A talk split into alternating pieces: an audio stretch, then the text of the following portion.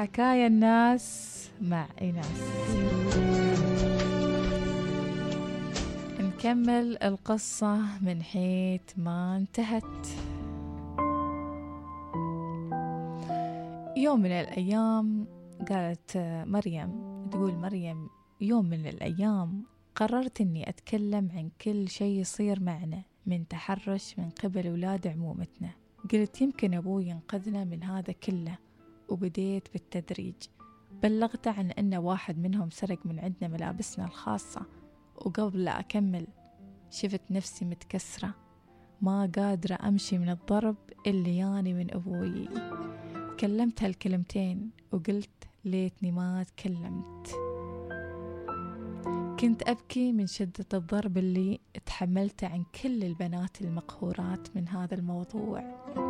وأقول لو خبرت عن التحرش أكيد بيقتلنا كنا. فظلينا ندافع عن نفسنا بكل قوة وصمت.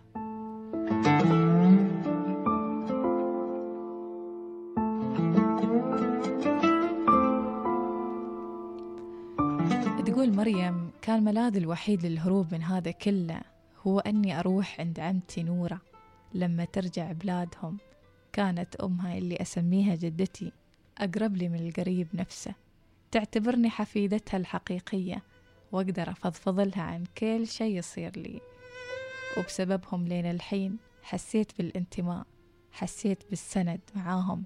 حتى صار كلامي وتصرفاتي تشبههم في كل شيء لين هذا اليوم.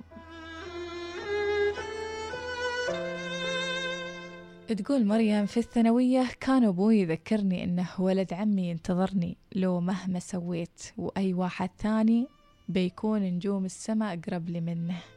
كانت المشاكل تصير وتتصاعد في وقت الاختبارات. ورغم هالشي كنت من المتفوقات. كنت أشوف أن دراستي بتطلعني من كل هالدوامة وأهرب منها لها. والحمد لله انقبلت في بعثة في أحد الجامعات وفي الجامعة وصلني أبوي في أول يوم لي. وصلني في أول يوم لي هو وعمتي نورة وعند الباب لما نزلت كان يقول لي أقول لش ما تيبين العار؟ وتيبين أي حد؟ ولد عمك ينتظرك ولا أنتي وأمك نورة برا البيت.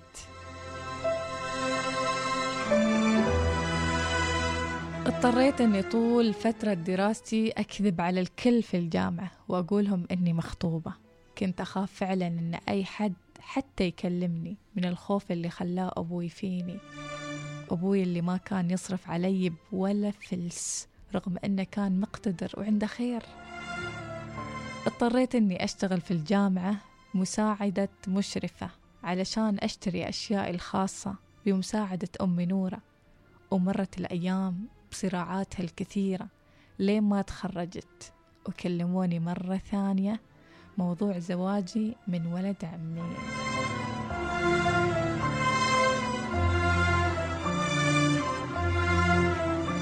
كنت أقولهم إنه ما يناسبني ما أريده بس قنعوني إنه ما شي مفر. أبوي كان يطرش عماتي خالاتي والعائلة كلها علشان يقنعوني بالموضوع. ويهددوني إنه لو ما صار ووافقت بيحرمني من حلاله وورثه وراضيه وكل شي كان معاه ويوزعه. سلمت أمري قلت أبدأ أتواصل مع ولد عمي أشوف شخصيته وأشوف إيش معاه. للأسف كان يطلب مني إني أقول لأبوي إني أطلب منه سيارة وبيت وأمور. كنت أتساءل وأقول ليش؟ كان يقول يا ذكية أبوك قايل هو بيتكفل بكل شي تبينه لو وافقتي علي وبكذي ما بنتحمل أي أعباء بلغت أخوي على طول بالموضوع وتضايق منه لكن أبوي ما كان يشوف شي غير إن راية يمشي وبس.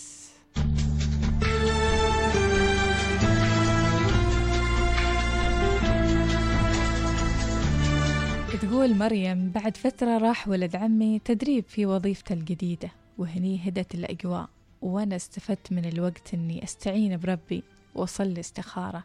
تقول الناس يصلون استخارة مرة واحدة يمكن مرتين ثلاث بالكثير لكن أنا صليتها أربعة عشر مرة. وفي كل مرة كنت أشوف حلم غريب عجيب ما أقدر أقوله من بشاعته. كان يتكرر لي في كل استخارة. ما فهمت معناه. اضطريت أني أدور أحد المشايخ علشان يفتيني في رؤياي. فقال لي هذا الزواج ما مناسب لك. وهو داخل على طمع. ونهيت كل الموضوع رغم أنف الجميع. طبعا تقول مريم. تقول مريم في هذه القصة وتكمل.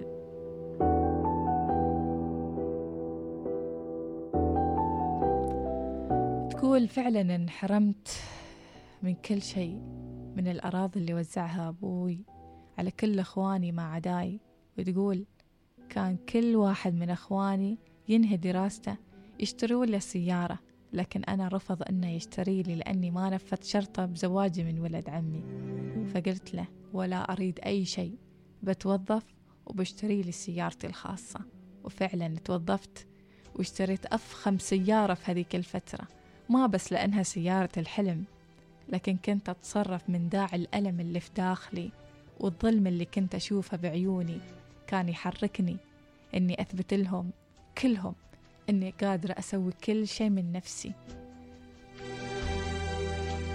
وقادرة إني أحفظ كرامتي حتى لو كل الدنيا يا ضدي حتى أقرب الأقربين مني. الأحداث في قصة مريم تتصاعد لمواقف أشد غرابة وقسوة. والأيام بتخبركم إيش أقصد بالموضوع.